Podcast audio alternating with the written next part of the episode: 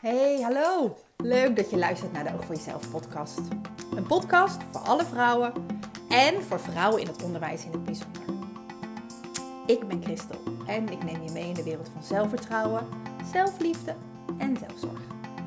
En in deze podcast deel ik struggles, deel ik het vallen en opstaan. En ja, eigenlijk het struikelen en weer opnieuw opstaan. Ik deel overwinningen en inzichten. En ik heb het bijvoorbeeld over perfectionisme. Of over jezelf genoeg, goed genoeg willen voelen. Over irritante gedachten die soms maar niet uit je hoofd gaan en alles bepalen. En bijvoorbeeld over jezelf voorbij rennen. En over mezelf dus. En over vrouwen waar ik dagelijks mee in gesprek ben. Vrouwen zoals jij en ik, werkend in het onderwijs en ook daarbuiten.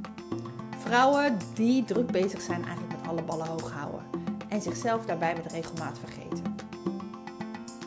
Nou, als het goed is, dan doe je tijdens het luisteren van mijn podcast wel inspiratie op. En zet het je aan het denken en krijg je eigenlijk meer inzicht. Meer inzicht over je eigen denken, voelen en doen. En ook krijg je zo nu en dan wel wat tips mee, zodat jij nog meer oog gaat krijgen voor jezelf. In deze podcast neem ik je dus mee naar een momentje voor jezelf, met daardoor meer oog voor jezelf. We kunnen er allemaal wel wat meer van gebruiken, toch?